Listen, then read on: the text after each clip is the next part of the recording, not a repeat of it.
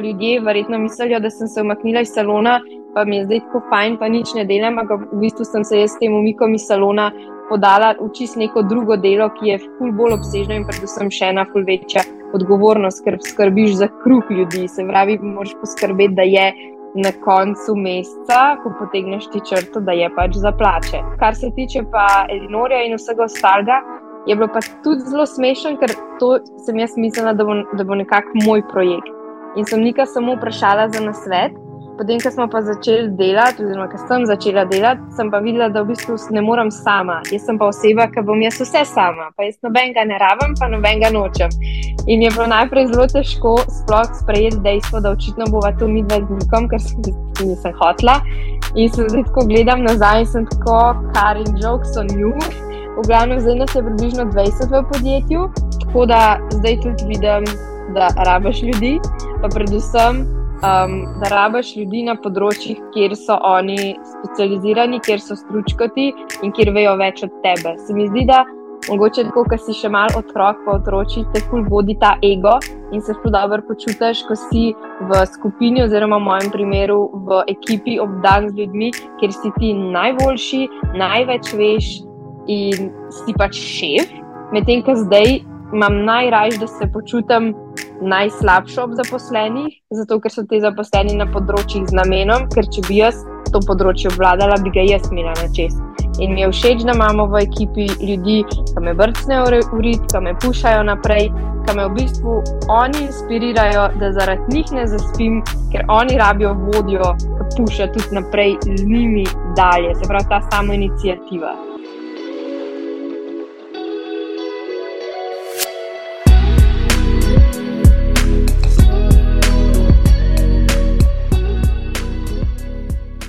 Hojla, poslušaš odkrito podcast, s tabo pa sem gostiteljica Vesna Ambrož, magistrica psihologije, predavateljica in psihološka svetovalka. Jaz sem res noro vesela, ker v današnji epizodi gostim podjetnico Karin Poravne, lasnico Karin Poravne Beauty Studia, soustanoviteljico kozmetične znamke Elinor.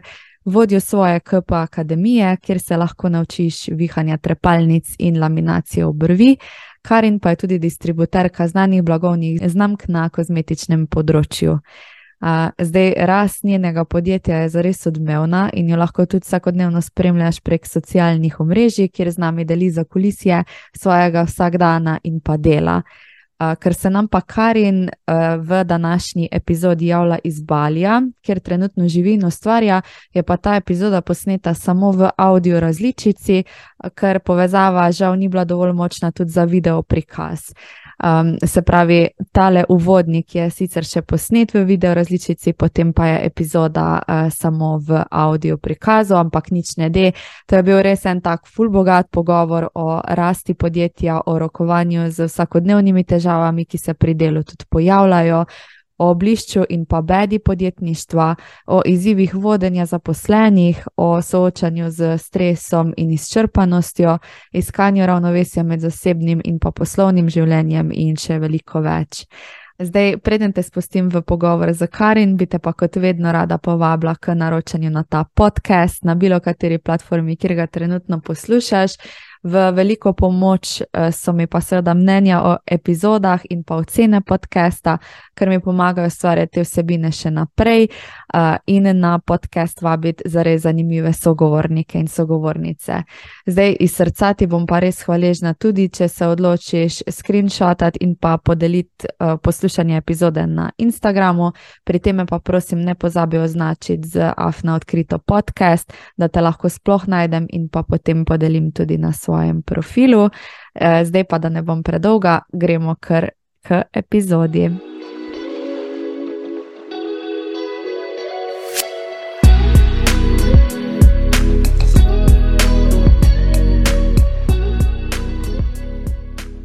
Evo, smo live, kar in zdravo. Najprej, kak si? Oj, uh, iskreno super, um, sproščeno, spočito, uh, sončno, tako da se ne pritožujem. Ej, dobro. E, zdaj mi vemo, ne, ko te spremljamo na Instagramu, da se nam zdaj trenutno javljaš iz Balija oziroma iz Indonezije, pa i tak me pač -huh. v tem vse zanima. uh, kako je trenutno tam, kako izgledajo tvoji dnevi, mogoče tudi kaj si že danes počela, ker tukaj je ura, se pravi deset, tako da pri tebi moramo plus sedem ur prišteta, ne? Tako, tako. Um, kako je, uh, odlično je, meni tako Azija ustreza z večjih razlogov. Mi, smo se čisto zaljubili že v začetku leta, ko smo bila na Tajskem in v Vietnamu. Um, celoten vibe, uh, temperatura, ljudje, vse pač samo štima. Meni vse zelo štima. Uh, trenutno je drugače, predvsej vroče, zato ker se počasi približuje rejni sezon, kjer ga se vsi malo bojimo in ga malo ne maramo in ga malo nočemo. Um, tako da pričakuješ, da bo zrejni siznom šla temperatura dol, ampak je tako obratno, furata vroče, tako težek vreme, dol pritiska. Um, smo že imeli par vročinskih nevihtno, ampak ja, uh, upam, da bo še zamujala, ker mečkam zamuja, če gledaš tako po pravilih, kdaj bi mogla priti. Uh, kaj sem danes počela? V bistvu nisem imela čist tipičnega dneva, ker ga ponavadi začnem zjutraj v fitnessu, ampak sem imela danes, sem imela um, malo frejdan, no, zjutraj sem šla na sprehod. Uh, tukaj se zelo težko, oziroma zelo malo gibam, zato ker so te skuterčki ena taka velika potuha. Tako da se moram prav prsiti, da naredim tistih 10.000 korakov v dnevu. Sem šla na sprehod, prišla nazaj, se seveda stuširala, ker je bilo peklensko. Uh, potem sva šla na zajtrk, potem sva šla pa v najmanj lokal, kjer najraž delava, ker je dost mirno in močen Wi-Fi, ki ga nujno rabaš tukaj. Um, do zdaj le delala, pojedla eno majhno kosilo in zdaj sem tukaj s tabo. No, je ful dobro. Sej, a veš, ko, mislim, ko gledam, jaz tvoj Instagram je tako pravlično, ful mi je dobro, a ne že na splošno jedi, ko jih slikaš, recimo, potem i tak lokacije so nore, pa večeri, predvsem, a ne ko poslikaš, recimo, kak sončni zahod, pa to. Tako da to se mi res zdi noro, ful fajn, tako da upam, da uživata, se se vidi, da se mata ful fajn. tako da ful zakon. Ja, ja ne, super je. Mm. Jaz ti bom začetku kar in dala malo besedo, da bi se ti mogoče sama malo predstavila. Jaz verjamem, da te ful folk, kako zdaj to posluša, definitivno že pozna. Uh, vseeno bi pa mogoče uh, malo povedala oziroma opisala, kdo si, a ne kdo je Karin, s čim se ukvarjaš, mogoče tudi uh, kaj rada počneš, čisto zase, za dušo in tako naprej. Ok. Um, na prvem mestu sem jaz ena taka preprosta, nežna dušica. Um, zelo uživam v, nekih, v nekem svojem svetu, v svojem bablu, uh, zelo sem oseba, navad, ritualov, rutin. To so tiste stvari, ki me osrečujejo in ki rečejo tako uh, spark, da ti povzročijo spark v tebi, nove duši. Um, drugač pa sem uh, co-founder, torej ko um, so ustanoviteljica in so lastnica podjetja Elinor. Uh, mi pri Elinorju imamo nekako štiri stebre in se ukvarjamo z, v bistvu v kozmetični industriji. Prva stvar je KB Studio, ki je nekako podaljšek tega, kar sem jaz pred osmimi leti začela sama kot make-up artistka, pa potem nadaljevala kot leš stilistka. Zdaj sem se leta 2020-2021 v bistvu iz salona umaknila in zdaj so noter štiri čudovite um, stilistke, delamo brvi, trepalnice in nohte. Um, poleg tega imamo, um, smo, um, imamo svoj, svoj lasten kozmetični brand Elinor Cosmetics. Se mi zdi, da me mogoče potem ljudje najbolj poznajo, oziroma da mogoče Elinor Cosmetics najbolj poznajo. Kdaj sem videla, ker sem šla v Ljubljani v trgovino, ne vem, v Špar, uh, pa rečeš, da bi prosil račun na podjetje, pa pa rečeš, ja, Elinor, da je o, pa tako prodajaka. To pa vem, to sem pa že slišala, ali pa ja, to pa vidim pri hčerki, ki ima, tako da je poluškano. Um, potem smo odprli tudi KP Akademijo, to je največja akademija za obrvi in za trepalnice pri nas, torej urimo bodoče leš in prav stilistke. In pa povezano s tem smo tudi distributerji oziroma uvozniki za določene leš in prav um, brende iz Anglije, tako da smo zelo nišni, zelo v lepoti, um, zelo zanimivo, ker je pač co-founder moj fund, ki pač v tem nima pojma, ampak pa ugotoviš, da je biznis v ozadju tako nekako isti, pa je čisto enak suhoparen, a ti prodajaš kozmetiko ali pa če bi prodajal on avte. Um, tako da, ja, to je v bistvu to, no, kar počnemo, kar delam in kar je nekako moja služba, oziroma moje življenje. Je ful dobro. Ja. E, si pomenila, recimo, da si se, če sem prav zasledila, 2022-2021 si se ti umaknila iz studia, pa v bistvu trenutno delajo štiri druge zaposlene tam. Ja, tako je. Ja, tako da se pravi, ti si pa. Um, Praktično ne vodiš vse te štiri enote, ki si jih, uh, ki si jih tudi omenila. Ja, Ja. Ful, ful dobro. Mislim, jaz si sploh, recimo, ko se o tem z nekom pogovarjam, jaz si ne znam predstavljati, na kak način sploh priješ do take točke. Ker tako si omenila, ti si uh, začela čist na drugačen način, si tudi ličila, recimo, za poroke, uh, ko sem malo te pogooglala, pa um, postokala na YouTube, ko si začela s temi vlogi in tako naprej. In pol prideš do ene točke, ko začneš z in odpreš beauty studio, pol si pa kar naenkrat na, na tej točki, tako si zdaj recimo, ko ti podjetje res neverjetno cveti in je fulepo to gledati. Eh, čeprav sem zdaj vmes rekla, da kar naenkrat si na tej točki, jaz verjamem, da je tukaj vmes bilo toliko, nekega, toliko nekih korakov, energije vloženega, truda, časa. Um, Tako da bi mogoče, ne vem, ali bi se um, lotile tega, da bi mogoče malo opisala trenutno, kakšna je tvoja služba, kdo se sestavlja tvojo ekipo v podjetju, pa kako je pol sploh prišlo do tega. Tako da to je zelo malo zajetno vprašanje, začni kjerkoli. ja, v bistvu, mogoče če se dotaknem tega, kar si začela s tem, da sem pač delala v salonu in se potem umaknila. Um, problem oziroma fora je v tem, da ti zelo težko delaš neke korake naprej, če si ti deset ur na dan upet pač v delo s strankami. Ti pač si v salonu od jutra do večera, stranke, urejanje teh strank in tebi enostavno zmanjka časa za karkoli razmisliti naprej, za se dodatno izobraževati, za se širiti. V bistvu samo pač si nekako, to se res fulgardo sliši, no? ampak tako obrtnik si, ne pač si stilist in pač delaš eno za drugo. Um, in jaz nekako nisem sploh znala širše od tega razmišljati, um, dokler nisem spoznala Nika. Um, in Nik je potem mene vprašal, ok, kaj pa je pač tvoj, kaj je tvoj cilj, mislim, kaj je tvoj plan za naprej. Ti si se pravi strop za dela, več kot delaš, ne moreš, ker dan ima število ur. Kaj je pač tvoj plan naprej? Moramo se širiti, moramo skelati, nekaj treba narediti. Jaz sem takrat, po mojem, gledala, kako, kaj ta zdaj meni govori, kaj širiti, kakšen strop sem zadela, ki je zdaj strop najdu.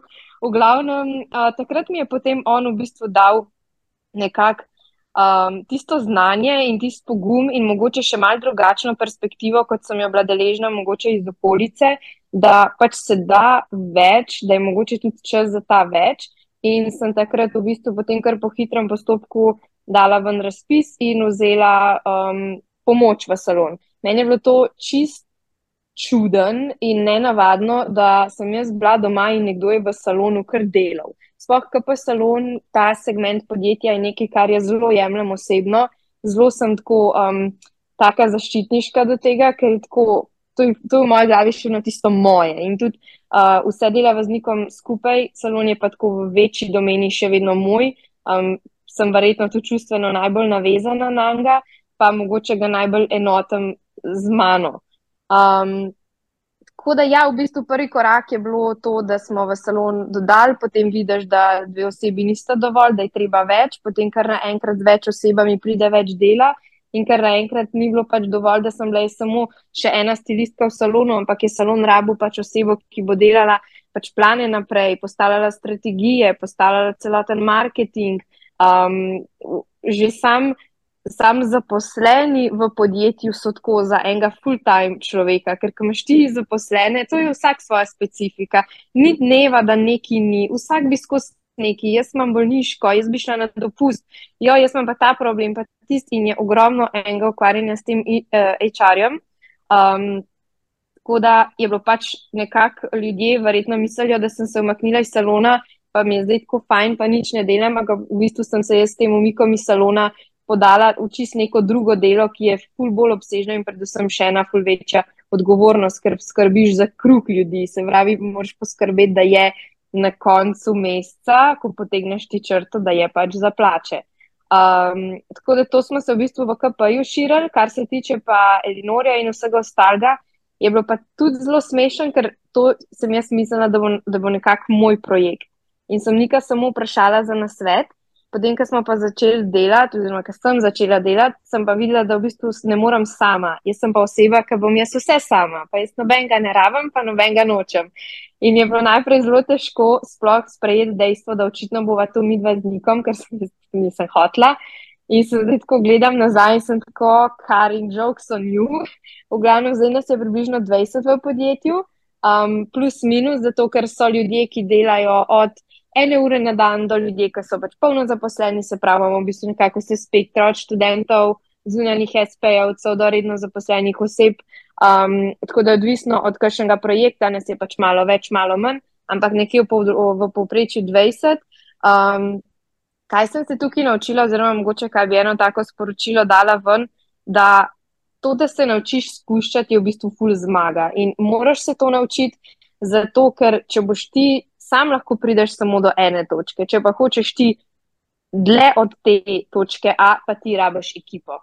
In um, tudi enkrat sem brala eno knjigo in je bilo zelo lepo povedano in je napisal, ekipa, se pravi teamwork, skupina, bo vedno prišla dlje od posameznika, ne glede na to, koliko ima ta posameznik dobre ideje, um, voljo, ljubezen, strast in vse.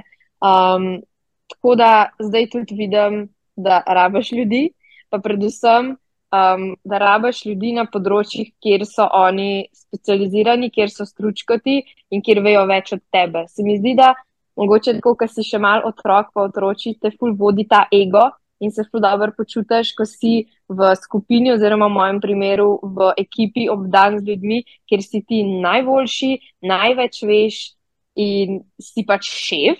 Medtem, ko zdaj imam najraž, da se počutim najslabšo ob zaposlenih, zato ker so ti zaposleni na področjih z namenom, ker če bi jaz to področje obvladala, bi ga jaz imela na čest. In mi je všeč, da imamo v ekipi ljudi, ki me brcnejo v rit, ki me pušajo naprej, ki me v bistvu oni inspirirajo, da zaradi njih ne zaspim, ker oni rabijo vodjo, ki puša tudi naprej z njimi dalje. Se pravi, ta samo inicijativa. Ej, ful fajn te je bilo poslušati. Mislim, toliko ful dobrih stvari si povedala, ker jaz tudi ne sama, recimo, razmišljam oziroma si želim enkrat skalati, tako si rekla. Uh mhm. -huh. In ful težko je, če imaš ene take storitve, um, ker velik ljudi misli. Vedno se izpostavlja samo bliž tega samostojnega podjetništva. Uh -huh. Meni se zdi, da je zdaj v tem času noro popularno. Uh -huh. In ljudje se ne zavedajo, po eni strani, ker grejo velikokrat v to, recimo, če damo kar ta primer, a ne um, kozmetičnih salonov. Jaz poznam res kupico uh, žensk, oziroma pač deklet žensk, ki se s tem ukvarjajo in začnejo s tem, potem pa hitro vidijo. Da v bistvu so menjale eno službo, kjer so delale v dopoldanskem času, za to službo uh mhm. -huh. samostojnega podjetništva, ker delajo praktično cel dan za isti denar. -hmm. In v bistvu, kaj si zdaj s tem naredil?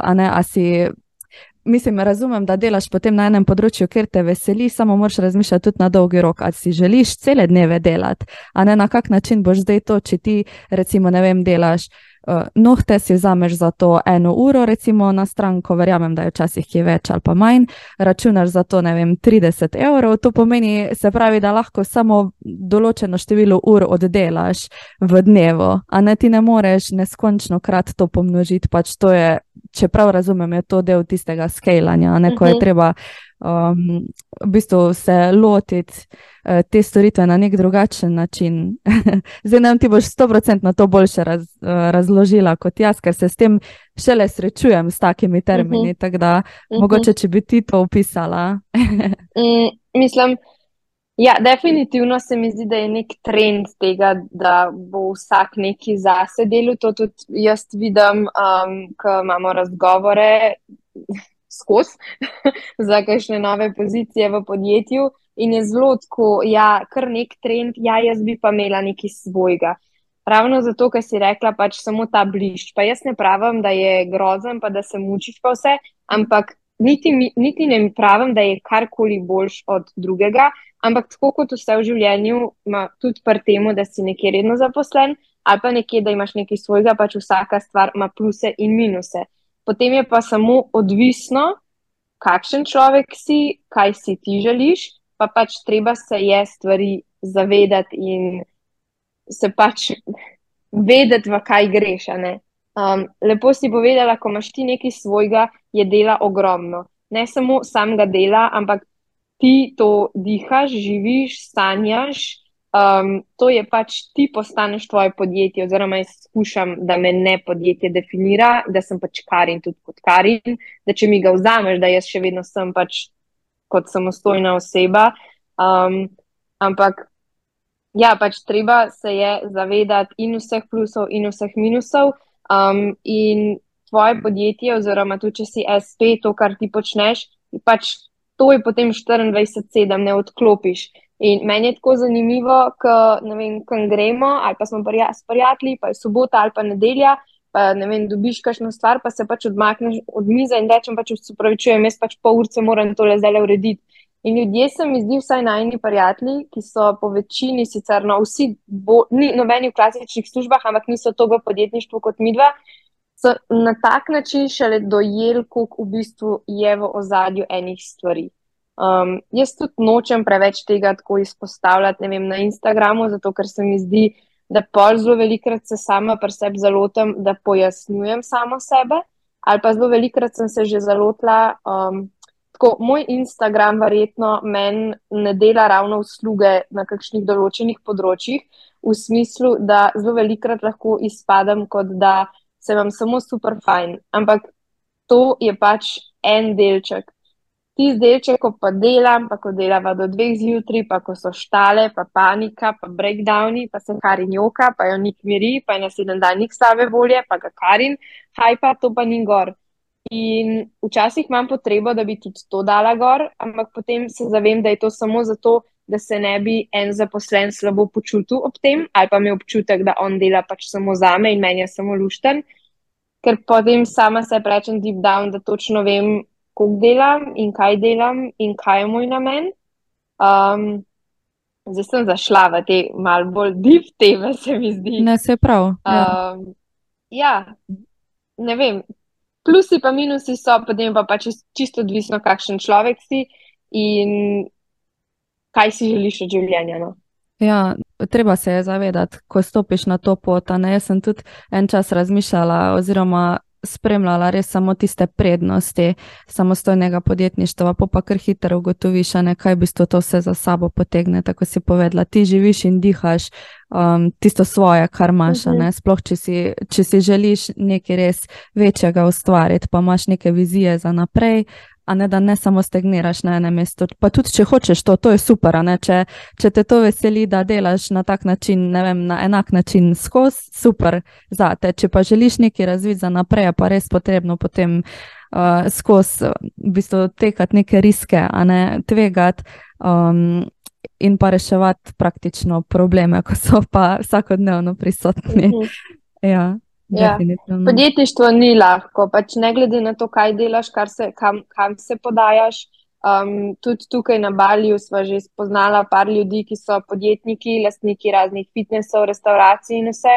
In mi dva obožujeva ljudi, ki so nekako um, na isti valovni kot mi dva. Greš na kavo, se pogovarjaš, pa si misliš, mogoče vsi na Balju je pa lažje.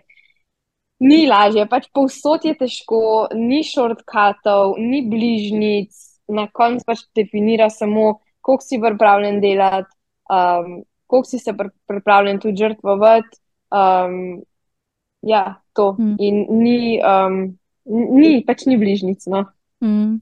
Kaj bi pa recimo rekla, kaj so največje razlike um, pa izzivi zdaj, ko ste toliko zrasli, da vas je toliko več, se pravi, vas je nekje približno 20, malo se menjava. Um, mm -hmm v primerjavi z tem, ko si bila pa prej sama ali pa sta bila še v začetku samo z nikom, um, kaj so mhm. tiste razlike, mogoče največje, pa izzivi zdaj? Naj, mislim, velika, velik izziv, s katerim se trenutno uh, spopadamo, je v bistvu obseg dela. Se pravi, obseg dela pri nas je postal tako velik, da bi rabil na vsakem področju full-time zaposleno osebo, ki dela po 8 ur na dan. Ampak zaposleni ljudje, so plače, so stroški podjetja. Podjetje, ki je pa pač mlado, ki je start-up, ki je, mi smo zdaj dve leti in pol, je pa kar mehen otrok, ki konstantno rabi, rabi, rabi. In konkretno v podjetništvu ta rabi je denar. In razvoj tako velik stane, da enostavno si ne moramo privoščiti zaposlovati dodatnih ljudi, ampak zavedamo pa se, da jih moramo zaposlovati, če hočemo, da, stvari, da bodo stvari rasle, da bomo se uspenjali više. Tako da se v bistvu borimo zdaj s tem. Um, v podjetju imamo tudi ljudi, ki um, so za več stvari um, na večjih področjih aktivni in se zavedamo, da bi bilo treba eno osebo, ki je na treh področjih, razširiti na tri osebe, pa vsaka na posamezno področje. Ampak se pravim, um, je izziv, sploh zato, ker si želiš biti še dober plačnik. Um, in enostavno pač potem ne gre. Uh, povezano s tem je pa pač v bistvu mislim, da je izziv to, ga imaš ali si dve leti v staro podjetje ali pa deset let staro podjetje, pač cash flow. Um, financirati rast, financirati v našem primeru zaloge pri Elinorju, um, ni storitvena dejavnost, da bi bil pač čas denar, ampak je enostavno pač treba financirati, ko mi naročimo x tisoč število kosov, je treba, ne vem, konkretno plačamo in potem tri mesece čakamo, da te kosi pridejo in jih mi lahko začnemo prodajati. Se pravi, mi smo tri mesece brez denarja, ki smo ga plačali, pa brez prihodka za ta konkreten in je včasih tudi to težko. Težko je, ker smo še vedno tako mehni, da si za, za slovenski trg, pa v bistvu za ljudi okol naju, smo veliki in velikrat slišva, bravo, vsaka čast in vse. In mogoče zato tudi tako težko sprejmeva komplimente, ker mi dva, ki nam kdo, kdo hvali, rata pa tako awkward, da smo ne vemo, kaj mi samo samo.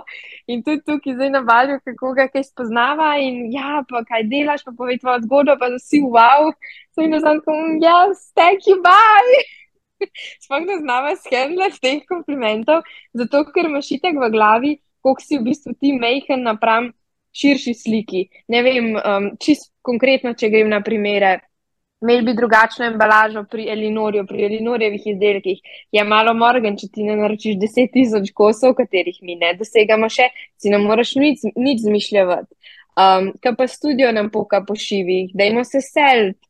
Super ideja, ampak spet najde prostor, opremiti prostor, selce na lokacijo, ki bo obstečim strankam še vedno ok, spet spet jaz, ki vidim stvari od znotraj, je spet pač to projekt pol leta do enega leta, ogromen energetski pač strošek in ogromen finančni strošek. Uh, tako da, ja, v bistvu rast, ki je zelo dobra in zelo hitra, ampak nekako finance pač ne dohajajo. Mm, mm.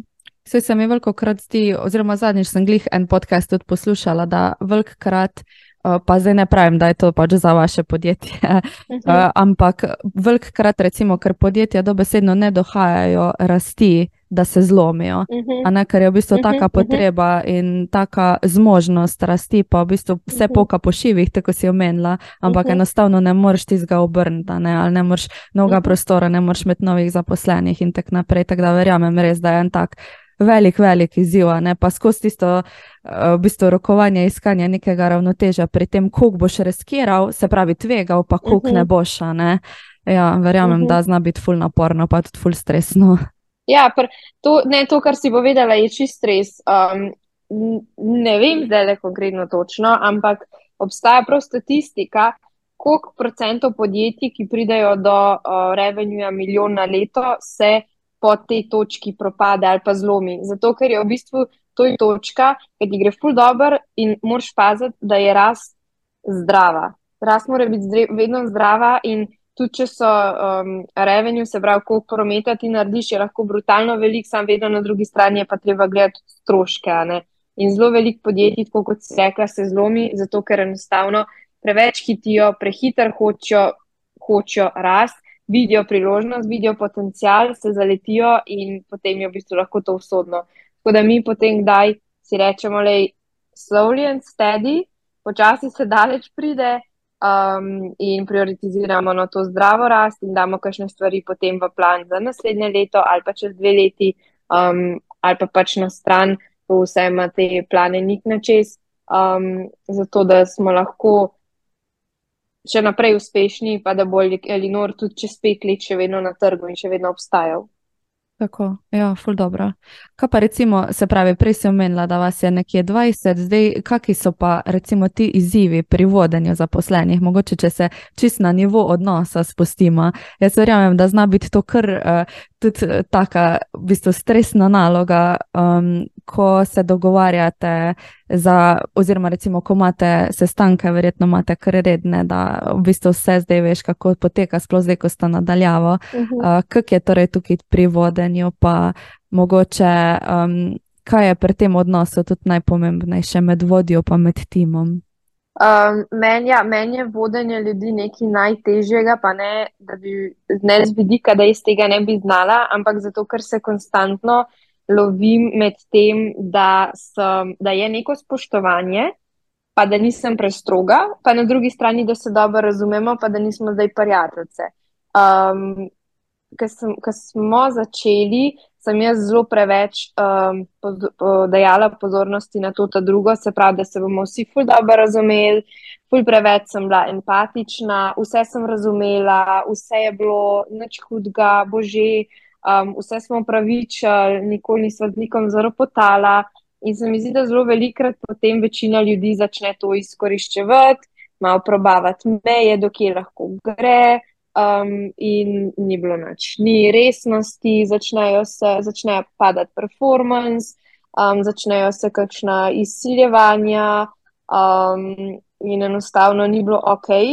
Um, Sem sicer videla, da je zelo, zelo veliko odvisno tudi od tega, kakšna oseba na drugi strani. Nekateri ljudje uh, v podjetju in na splošno v življenju tvojo dobroto cenijo in jo spoštujejo, in te imajo zato v bistvu še, še bolj, um, še večji ne, ne, avtoriteto do tebe, ampak večina, no, po mojih izkušnjah, je začela pa to izkoriščati. Um, tako da se res trudimo držati, pač meni je bil najboljši na svet da zaposleni niso tam zato, da me imajo radi, zaposleni so tam zato, da me spoštujejo. Da to je nek tak sejn, ki sem ga sploh ne vem od koga že v življenju slišala, ampak se mislim, da to je tako splošno, splošno pač velja. To je nekaj, česar se jaz skušam čim bolj držati. Uh, drugače pa ja, jaz mislim, da, smo, uh, zelo, da nam gre zelo v redu, da, um, da smo z nikom uspeli vzpostaviti zelo lepe sisteme znotraj um, ekipe. In tudi to je tisto, kar mislim, da nam omogoča, da ne uh, sediva v Ljubljani, ampak da smo lahko tukaj. Um, lepo smo zmenjeni, točno uh, enkrat na teden imamo mite, se posinkamo, se dogovorimo, kaj od koga. Um, pri nas so plačila vedno, se pravi, plače, vedno tudi iz dela um, bonusov, oziroma odvisni glede na performance ljudi, in je to zelo dobra stimulacija. Ljudje vejo, da morajo določene norme dosegati in teh določenih norm ne bodo dosegali, če pač ne bodo nič naredili. Uh, tako da tudi ta, um, ta plačilni sistem, ki smo ga v bistvu v podjetju razvili v zadnjem letu, mislim, da zelo dobro funkcionira. Um, ja, pa predvsem. Predvsem smo pa začeli tudi to delati, da ko iščemo nove ljudi, ko smo sestavljali ekipo, ki se je v zadnjem letu čisto v bistvu premetala. Um, iščemo na prvo žogo vibe, se pravi energijo, kakšna je oseba, um, kakšne so njene vrednote. Um, vedno skušava vsaj enega najti, ki to osebo pozna, ali pa eno mesto, kjer je že prej bila zaposlena, pa delala, da lahko povprašaš, kakšna je oseba to je na prvem mestu, šele potem mene zanima, kakšne so tvoje kompetence, kaj znaš, kaj ne znaš. Zato, ker skillsov te lahko naučimo, mi te lahko naučimo, kako delati trepalnice, lahko ti se lahko naučiš, kako postavljati Facebook kampanje. Ne moreš se pa naučiti pač biti dober fit za našo ekipo. In odkar po tem ključu um, um, zaposlujemo ljudi in jih sprejemamo ekipo. Je s rezultati totalno drugačni, in je ekipa ful dobra, dobra energija, In tudi, ko vidimo, da nekdo ni, to je spet neki, se pravi, gnilo jabolko v košari. Če daš ti gnilo jabolko v košaro, bodo vse, ali prej vsa jabolka zgnila, damo ta jabolko kar hitro v košare. Um, in ja, to je nekako uh, v bistvu način, kako zaposlujemo v zadnjem času, in je zelo uspešen. Ej, ful, ful, ful, dobro. Ker jaz sem zdaj pa, moje misli so šle tako v milijon različnih smeri, ful, dobro si povedala. Um, Veš, kaj sem pa pol razmišljala, recimo tudi, da velikrat pa ne bom rekla, da je za vsako žensko to značilno. Pač v povprečju smo ženske, bom rekla, malo bolj mehke, malo bolj želimo uh, na prijazen način nastopiti, smo že drugače uh mhm. -huh. bolj empatične, sočutne. In zaradi tega mogoče se pojavlja mal težava, ko pride ženska na vodilno pozicijo. Pa ne me zdaj tako dobesedno mhm. jemati, v povprečju bom rekla. Uh -huh. Zato, ker se mora mhm. ženska tudi naučiti biti asertivna, samozavestna, postaviti neke meje, biti uh, nekdo, tako si zelo lepo povedala, ne? nekdo, kogar se spoštuje, ki bo tudi itak prijazen. Ne, to ne, ni zdaj, da ne bo šlo z roko v roki. Lahko smo spoštljivi in hkrati tudi prijazni. Uh, ampak mhm. vseeno, ko se. Um, ne vem, pogovarjamo o kakih težavah, izzivih, smo pa tukaj na prvem mestu zato, ne da smo prijatelji, ampak da se težave razrešujejo, ker tukaj gre za podjetje. Tako da to je, mislim, uh mhm. -huh. ful dobro, ja, tako si izpostavlja. Um, a bi mogoče, uh -huh. ne mhm. vem, kako si se pa ti naučila, da si postala bolj asertivna, um, pa na bolj tak samozavesten način tudi pristopla. No? Uh mhm. -huh. No, drugače, to, kar si povedala, ni čisto um, proti nam ženskam. To je pač samo dejstvo. Dejstvo je, da ljudje delujemo z dvema energijama, eno je ženska energija in druga je moška energija. In to nima nobene veze s spoloma. Tudi moški ima lahko žensko energijo. Ženska energija je zelo tista nežna, intuitivna, zelo delamo po občutku, with the flow. Moška energija je pa zelo bolj taka, po domač povedano, gajstna, um, organizirana, analitična. Um, grafična in vse te um, kofekcije, brez feelingov, da je v tem reč. In ja, je pa dejstvo, da večina moških ima moško energijo in večina žensk ima žensko energijo. In to je tudi razlog, zakaj je poslovni svet sestavljen iz večine moških. Ne vem zdaj procentov, ampak večina um, oseb na um, vodilnih pozicijah je moških. In um, jaz osebno imam zelo moško energijo in zato tudi mislim, da se od že odvedno ful dobro ujamem z moškimi, ful boljše delujem v moških okoljih. Zdaj to se bo ful ga razlišati, ampak jaz ne maram žensk. Po večini pač sem tako, ne, ker, ker ne, ne delujem pač z isto energijo, oziroma včasih sem. Potem sem pa videla prniku, da moj with the flow, pa moja intuicija, pa kaj on mene vprašal, pa zakaj. Je pač zato, ker tako pač ne bomo tako prišli zelo daleč še vedno včasih, ko kaj delamo v podjetju, jaz rečem neko enik. Jaz pa čutim, da moramo tukaj narediti tako. Ne sprašuj me, ampak jaz čutim. In on je v vseh teh letih tudi ugotovil, da ko jaz nekaj čutim, se meni te zaupa. Ker mislim, da ženske imamo šesti čut tako močen, da, mor, da se moramo poslušati in da nas ta notranji kompas zelo dobro vodi. Ampak še vsem moramo, moramo se pa pač um, naučiti, da za uspeh v življenju, pa za uspeh v podjetju, konkretno, je pa potrebno imeti številke, točno um, odhodke, prihodke, stroške, izračunice narediti iz četrt. To je pač dejstvo. Um, vprašala si me, kako sem jaz postala bolj taka. Um, Zihar z njihovo podporo, um, ker še vsem imam kdaj um, krize sama pri sebi. Um, Čakaj, moram prav malo pomisliti. Um, veš, kaj je problem? Problem je, da ko si ti tako majhno podjetje, kot smo mi, oziroma dokler ti nisi neka velika korupcija, imajo ljudje občutek, da delajo za te, se pravi, da delajo za kar in ne da delajo za podjetje. In to je ena stvar, ki je zelo težka. Uh, sploh zato, ker ti zaposlenimo jih ne moreš vseh faktov skomunicirati, da bi on tebe bolj razumel, zakaj si naredil to tako, kot kot si naredil. Um, pa tudi zavedam se, da moj ego bi rad to pojasnil, ampak to ni pravi pristop, pa ni pač profesionalno. Um, pač jaz se samo zavedam, kaj podjetje rabi, ne kaj karin rabi, ampak kaj podjetje rabi. In um, z leti sem tudi tratala to, kar se mi zdi, da um, včasih sem se zelo tresla, če bom ostala brez ljudi. Pa zelo sem mislila, da sem odvisna od, od ljudi, ki smo jih imeli. Potem sem pa v bistvu se čez leta naučila, da tudi, da, da, sem, da sem jaz tisto ime za brendom in jaz tisto obraz za brendom. Pa to ne mislim tako um, bahavo ali pa karkoli, ampak sem zgradila neko osebno znamko in sem tudi videla čez vsa ta leta, ko so se ljudje menjavali, mi nismo za to nič manj uspešni. A razumeš, če je tista, ne vem, zmišljujem si, Marjetka šla iz podjetja, pa sem se jaz bala, kaj bo s podjetjem, ker Marjetke ni več, pa kaj bo, če pa Marjetka pa začne nekaj svojega. Sem se čez vsa ta leta naučila, da vsakeč, ko je Marjetka šla, so se vrata odprla in je prišla nova Marjetka in podjetje je še toliko bolj rasto. In jaz se nekako uh, v takih trenutkih um, si rečem, vse je točno tako, kot mora biti če nekdo ima neke težave, bom na lep, korekten način skomunicirala, če mu ni ok, lahko gre in bo pač prišla nova oseba. Um, to je pač res v primeru, ko imamo s kom resne pač težave ali pa ko vidim, da se neke zadeve v, pač v določenem času sploh ne, um, ne popravijo.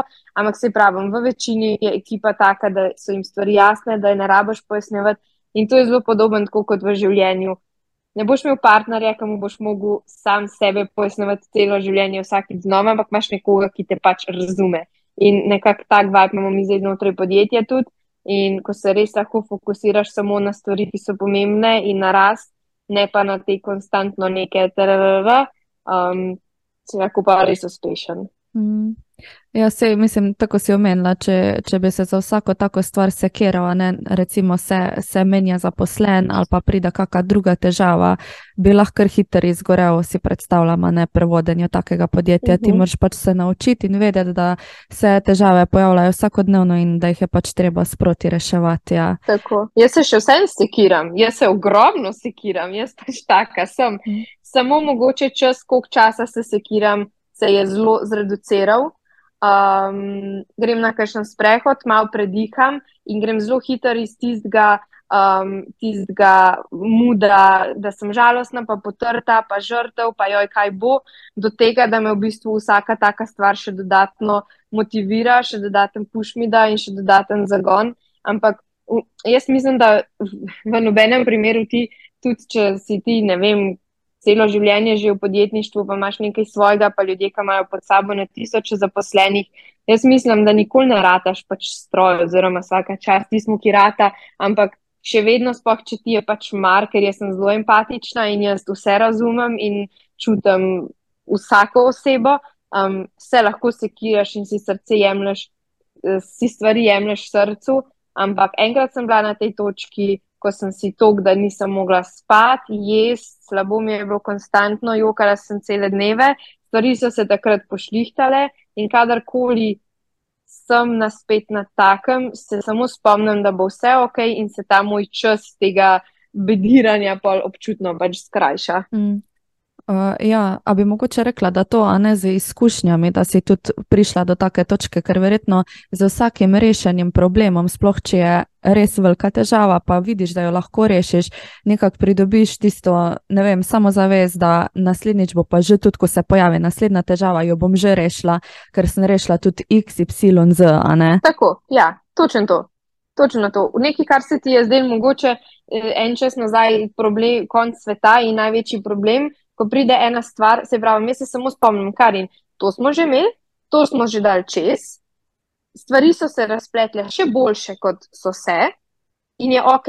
In jaz si tudi vedno rečem, vem, da se to sliši ful klišejsko, ampak to res je. Vsaka težava, ki pride, pač nekaj me bo naučila. Nekaj se bom naučila iz nje, šla bom um, močnejša iz nje, če, smo, če nekje naletimo na nek močen ne, si rečem, ok, očitno nek redirection, ali pa mogoče ne bi bilo uspešno, če bi šli v to. Če ena oseba odide, super, nekdo je šel, nekdo boljši bo prišel. Jaz mislim, da vedno se ti stvari dogajajo z razlogom. Spet to se sliši tako klišejsko, ampak vedno je vse z razlogom in ti se moraš samo naučiti ta razlog poiskati, oziroma iti iz mentalitete žrtve v pač mentaliteto, da prevzemaš odgovornost, da se zavedaš, da vse si sam kriv, ti si tukaj, to se je zgodil tebi, z razlogom se ti je zgodil, in potem samo videti, kaj iz tega lahko potegneš, kaj se lahko iz tega naučiš in zakaj boš ti čez to šel kot boljša oseba. Mm. In verjetno je tudi zato, toliko ljudi v bistvu nazaj drži, da ne bi začeli, mogoče za to samostojno potjo, tudi zato, ker imajo kar občutek, da ne bojo mogli shendlati vseh teh težav. Ne? Ampak je res v začetku je verjetno ful težko, že ko pride manjša težava, se z njo spopast, ampak za vsako tako razrešeno težavo pač uh, res pridobiš tisto sigurnost vase, pa imaš tisto neko moč, da se boš pač lahko odločil tudi za naslednjič. In pa pač tudi prideš do take točke, mhm. tako si zdaj ti rekla da se za vsako tako stvar manj sekiraš. Na začetku je verjetno pač si totalno preplavljen, preobremenjen, imaš obdobja, ko pač si full stresa, ne spiš, ne? Um, potem pač. To nekako se naučiš to tudi razdeliti, premustiti, in za naslednjič veš, a ne ponovi vajo, tako ko se težava pojavi in je potem tudi mogoče malo lažje. Pa ne pravim, da mogoče se tudi komu ne zgodi kasneje, da zopet pride kako zelo stresno obdobje, ampak pač največkrat res vidiš, ne, če si kos nečemu, da boš lahko naslednjič pa spet to uh, premostil. Ja. Uh -huh, uh -huh. Um, ja, evo, ful dobro. bi. Uh, zdaj... Nimam kamere, pa me ne vidiš, ja. ampak skozi kima, pa se ti smejo. uh, ja, um, veš, kaj sem mislila, mogoče zdaj na tej točki. Ne vem, če si pripravljena, če, če nisi, sploh ni panike, a bi mogoče šle malo v tisto mhm. obdobje, ko si bila malo bolj pod stresom, ali pa uh, ne vem, a si imela kdaj občutek, recimo, da toneš v izgorelost, če bi mogoče malo o tem govorila, če ti je prijetno. Mm. Ja, um, mislim, tisto obdobje, konkretno, ki je bil največji problem, mm. Je bilo, da se v bistvu um, smo na stvari, na kateri smo delali zadnje pol leta in je bila za najuznikom, poleg same pač ustanovitve Elinorja, na tisti točki največji um, mail, uh, milestone, um, največji finančni vložek, največji projekt, um, pač eden večjih, kar smo delali v Elinorju, to je bilo, ko smo postali distributeri za nove oziroma novo. Um, tukaj v zadnjem je spet pač ogromno enih stvari, podpisane pogodbe z grozljivo velikimi številkami, ki jih moraš dosegati. In smo v bistvu um, en teden, dva tedna pred uradnim lončom ostali brez ključnih oseb, ki so bile pač ključne za zadevo izpeljati. Um, in je bilo res težko, na koncu smo pač zimprovizirali, nam je pač uspel. Um, ampak ja, to so pač trenutki, ki pridejo. Um, spet trenutki, ko so se mogoče mogli zgoditi, da sem sama sebi dokazala, da, da imam sebe in da je to več kot dovolj, ker se mogoče včasih um, si damo mal premal kreditov. Um, kar se tiče pa izgorelosti, pa jaz v resnici zares ne vem, kako zgleda, če izgoriš, in ne vem, ali kdaj sem. Veš, kaj mislim? Kako kdaj kdo reče, da ne ve, ali je v depresiji, ampak ve, da ni on, ampak ne ve, ali je to dovolj, ali je depresija prava definicija. V glavnem. Itak, da so bila obdobja, ko sem bila res slabo, ko se zjutraj zbudiš iz posle in enostavno pač nimaš motivacije za nič ko imaš kar nek brain fog, ki je nam pač napor, sam maile predelati, kaj šele, da bi ti v tistem stanju karkoli brainstormu za naprej. Karkoli mi je nik rekel, kjerkoli test sem videla, sem bila tako reaktivna, vse mi je šlo na živce. Um, pa spomnim se, da se tako počutila, sem se, da sploh nisem v svojem telesu. Uh, prav spomnim se, ker sem bila na kosilu z mojo družino za očev rojstni dan. Jaz imam občutek, da sem lebdela nad unimi krožniki v restauraciji, ker sploh ne zmoriš pogovora, ker se sploh ne moreš pogovarjati. Um, težko ti je tudi, kakrš, težko ti je, um, da nimaš časa za svojo družino, um, da se ne moreš pogovarjati, da ko te mami nekaj vpraša, da si tako, o, pa ne še ti. Um, Jaz sem bila tudi um, eno obdobje, to je bilo, kaž, kaj je bilo to, ko sem se z nikom preselila na svoje. Sem bila eno leto konstantno bolna, non-stop sem bila bolna, nikakor se nisem sestavljala. In se mi zdi, da so pa to taki trenutki, vsaj mene je to pa ful zbrcal, da sem bila tako, ok, zdaj pa dos, zdaj pa jaz sem najpomembnejša, ker če jaz nisem ok, jaz nisem dobra punca, jaz nisem dobra črka, jaz nisem dobra prijateljica, ker sem pisala prijateljicam, pač oprosti, lahko greva na kavo, ampak meni iskreno ni do tega, ker bi bila rada samo sama. nisem dobra v podjetju in podjetje s tako, kar enostavno ne bo pač delač prišel, oziroma ne bom koristna, lahko pa kar dam odpoved.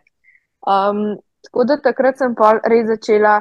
Jaz se v takih trenutkih vedno vrnem k Louis Hay. To tudi mislim, da je vsak, ki posluša, zakaj kjerkoli podcast z mano, je vedno ta avtorica, ker mi je nekako en tak zelo lep, nežen reality check, da je vse ok in da vse bo ok in da si sam pač najpomembnejši. Um, predvsem se pa ful učim reči ne. Um, to mi je še vedno pač izziv, ampak rečem ne. Če mi reče nik, ne vem, v petek um, greva kaj pa kaj na večerjo, rečem pač ne, ne morem. In sem tudi si začela v urnik dajati um, mi time, zato ker ima vaznikom posinkan koledar. In on je zelo velikrat videl, a v petek si frej, super, in mi dal tri stvari, ampak v moji glavi je bil petek frej, ampak za me, pač v petek sem jaz in meni in sem si začela v bistvu tudi to noter dajati. Um, in predvsem se ful skušam tega tudi učiti, da ko me nekdo vpraša, zakaj ne, pač rečem zato, ker ne želim, ker mi ni do tega. Tako, zakaj moramo ljudje vedno imeti nek razlog, zakaj ne? Pač zakaj ne, ker veš, se mi je zavlekel sestanek. Ne, ne, zato ker se ne počutim in bi rada šla domov. In zato se mi zdi tudi ful pomembno, da si obdan z ljudmi, ki ti dajo ta prostor in ki to spoštujejo in ki to razumejo in ki si lahko brutalno z njimi iskren in ki lahko pač napišeš ali pa rečeš, ne vem, moji najboljši prijatelji, hej, ful nisem ok danes, ali lahko predstavlja za en teden. In to je to. In se mi zdi, kdorkoli tega meni ni zmožen dati, tega prostora, ker ga tudi jaz dajem, da ne bo pomote, pač obratno tudi jaz razumem, najbolj razumem nekako um, nimam prostora za take ljudi v življenju in zato je verjetno tudi moj krok tako majhen. Pa tudi um, jaz, jaz pač majhen je zato, ker se mi iskreno ne da to družiti z ljudmi, pa tudi majhen je pač zato, ker jaz, kot sem rekel, rabim ljudi, ki mi znajo dati prostor in kaj jaz jim znam dati prostor. Um, tako da, evo na kratko. Mm -hmm. Ja. Um, a ne to, kar si opisovala, v bistvu bi bila že lahko skoraj ena taka disociacija, ne takrat, ko se ti je pojavljalo to, da se ti je zdelo, da si kar lep dela nad krožniki oziroma nad mizo, ne? da nisi bila v svojem -huh. telesu, ampak da si nekako opazovala iz zunaj sebe, kaj se dogaja, ne pa sploh, da nisi uh mhm. -huh. bila nekako pri sebi v tistem trenutku, oziroma fizično si bila prisotna, mentalno pa sploh ne. Uh -huh. Ali pa mhm. da mogoče včasih se nam celo zgodi, da sploh ne slišimo vsebine pogovora, ne samo neki se pogovarjajo, čas pa kar mineva, mi pa sploh nismo tam, ampak imamo kar neke druge uh -huh. Tako da to je lahko, ja, ful težko, pa itak je v bistvu tanka meja, kdaj govorimo o nekem stresu, kdaj govorimo o neki delovni izčrpanosti, čustveni izgorelosti. Um, tako da v bistvu to je itak od vsakega odvisno, malo kako to sam tudi doživlja. Um, se mi pa ful pomembno zdi tudi to, ja, kak si rekla, da rečemo, da znamo reči ne, pa brez tega, da se pojasnjujemo. Zato, ko ne to spet bom rekla, se mi zdi, da je za ženske mogoče malo bolj značilno, da moraš kar reči, hej, jaz pa danes mogoče se ne bi videla, zato ker imam to, pa to, pa to. Moraš dati uh -huh. ne neke res oprijemljive razloge, uh -huh. zakaj se ne bi videla. Pa še na koncu vedno napišeš, ne, če ti je kul, cool, če ne, pa se lahko vseeno dobimo. ja, ja, ja, ja, ja, no, jaz sem to nehala delati, zato ker. Greš enkrat čez sebe, greš dvakrat čez sebe, greš trikrat čez sebe, in jaz pa v takih trenutkih, če izgubim stik s tabo, spoh se ne slišim. Mene je tudi telo začel ustavljati na ta način, da me mene začne všesa boleti um, in imam ful pritisk v šestih. Vsak ima neki, moja sestra ima glavo. Ona, ko ima, pač ona je tudi fascinantna. Ona, ko ima neko stvar, ki pač mori life, ona reče, s katero se noče soočati, njo bo tri dni prej bolela glava. Ko bo šla stvar mimo, bo to. Moja mama, recimo, ima križ ko je moj kuža umrl, moja mama je eno uro potem, ko ga je dala uspavati, jo je tako usekala v križu, da je bila na bolniški mesec ali celo dva meseca. Pač vsi ljudje imamo neki, zato pa se mi tudi zdi, in tukaj mi je spet Louis Hay to všeč, ki pravi, da čisto vse bolezni mi sami si naredimo in se sami, um, si sami pač nakopljemo Um, in ona zato tudi pravi, če lahko sam sebe pripraviš do tega, da zboliš, lahko tudi sam sebe pripraviš do tega, da ozdraviš. In ona ima prav eno od njenih knjig, je pač kot knjižica, kot priročnik in prav piše težava, ki jo imaš, in potem pač psihično, kaj to povzroča. Ne vem, konkretno za rak je pač zamera. In jaz si to ful zapomnila. In, um, in uh, moja uh, mama ima brata, ki ima raka. In In uh, ona pravi pač, da ona vedno v življenju odpušča, zato ker ne želi, da bi, da bi njo karkoli začel noter tok najeda, da bi pač se iz tega rodil rak. To sem se zdaj dala en od primerov. Ne vem, vem da je debelost, je recimo um, strah, se ne počutiš varnega in je to nek tvoj obrambni plašč, zid, si se pač oddelva od večne kilograme. Pač vsaka taka stvar je nekaj od tega in zato je toliko ljudi, ki so bolni in imajo zdravstvene težave. In, um, ne vem, poznam ljudi, ki misliš, da imajo na prvo žogo popolno življenje, pa nič ne delajo, a so vsi v nekih bulah in v nekih, nekih reših po telesu in izpuščajih. To je čist vse, kot ti telo sporoča, samo da pri enih je pač to ful povečano in že kriči. Um, pri enih je pa pač začetna pač faza. Zato je se mi zdi tako pomembno, da se slišimo, da se ustavimo, ampak to v sodobnem svetu, ki je toliko enih motečih dejavnikov, ki je toliko enih stimulacij, ki je skozi neki, go, go, go, vsi umivamo zobe, gledamo zraven YouTube. Gremo na stranišče, imamo v roki telefon, uh, gremo na sprehod, imamo v, v, v, v šestih podcast, muziko, karkoli, konstantno skozi neki in sploh ne znamo biti sami sabo. In to, recimo, sem jaz ful izkusila v začetku leta, ko sem šla na Tajsko, ko sem jaz prišla v, v kraj, v prostor, kjer ni bilo skozi nekega hrušča, kjer je bila tišina, kjer je bil mir, kjer je, sem se jaz ustavila. Moj telo je šlo v tako paniko, ker ni bil vajen tega, ker se ni znal spoh odzivati na to. In meni je bil v bistvu prvi mesec tajske najbolj depresiven. Jaz sem bila najbolj potrta, a v bistvu sem imela vse pogoje za srečo, ker na tajskem si, kaj ti je lahko še težjega. Ampak moja glava, moj telo je bil v takem tistem flight or fight modu, zato ker pač mu ni bilo poznano. In ljudje smo itak narejeni tako, da smo perfektni z self-sabotiranjem.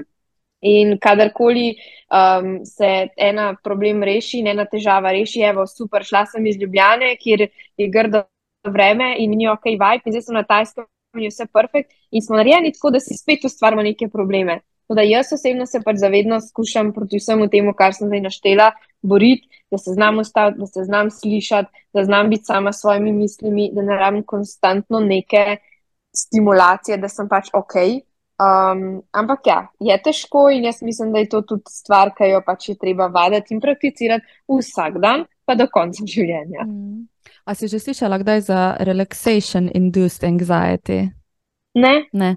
Uh, se pravi, to je mogoče to, to delno, ne to, kar si govorila. Uh mhm. -huh. Da velik ljudi, recimo, se, oziroma velik ljudi, nekateri se srečujejo z tem, da ravno v obdobju, ko bi ti mogel biti sproščen, ko imaš neko možnost, da se malo umiriš, ko se vse ko se potihne, ko si recimo, ne vem, prideš iz službe, si samo v stanovanju, zdaj imam pa jaz čas zase, ravno takrat postaneš tesnoben. Ne, mhm. nisi nekako navajen, v bistvu, um, handlat tistega časa zase, biti v nekem sproščenem stanju, tako mogoče tebi, ko se je zgodilo, ko si prišel na Tajsko, vse je mhm. pač nekako odpadlo, službe zdaj zaenkrat ni. In polkar ne vemo, kaj bi sami sabo, ne, ne znamo v bistvu um, handlat z tistim prostim časom, ko ga imamo, oziroma telesu ni domače to, da bi moglo biti sproščeno. Uh -huh. In je ravno to, da smo mogoče mi v takem stanju nekega brezdelja in neke potencijalne sproščenosti, nam gli vzbuja tesnobo, ker smo sem tako, o, a na kaj pozabljam, a bi mogla nekaj narediti, zihr sem nekaj, a ne pozabila, pa bi mogla. Uh, v glavnem, ne vem, če se ti to sliši uh mhm. -huh. znano, nekaterim se to pojavlja. Ja. Ja. Me veseli, da obstaja uh, neka strokovna razlaga za to. A veš, pa kako ugotoviš, da je v bistvu to, kar čutiš, že dokazano in da že kdo govori o tem, si tako, ok, vse v redu, normalen sem se pa, ker malo boš počutiš. ja, ja, obstaja tudi to. Ja. Tako da zanimivo je. Ja. Pa uh mhm. -huh. tudi to, ko si recimo govorila o tem, ne, da zgubiš lahko stik uh, za sabo, takrat, če se ne postaviš recimo zase, pa ne, to je zdaj še na tisto prejšnjo temo, temo če ne rečeš, recimo, uh -huh. ne, oziroma ne uh -huh. znaš reči. Ne, pa um, si kar naprej pač na voljo drugim ljudem, si na razpolago. Ja, nekak, nekaj zamere, mogoče tudi do sebe začneš graditi, zgubiš totalno stik sam s sabo, zato ker tvoje potrebe niso več pomembne, ampak samo potrebe drugih. In delaš zato, da je drugim v redu, ne da si ti ok, ampak da so vsi uh mhm. -huh. drugi ok. Tako da ja, si kar ful par pomembnih stvari nosi izpostavlja, ful dobro. Ja. Uh mhm. -huh. Ja, veš, kaj bi te mogoče vprašala, ko si glih omenjala, ne imaš kakšne dni, ko se pojavi velk brain fog, pa se slabo počutiš, nimaš energije. Kaj greš pa recimo takrat skozi delovni dan, kaj ti pomaga? Um, jaz si ga vzamem v izi.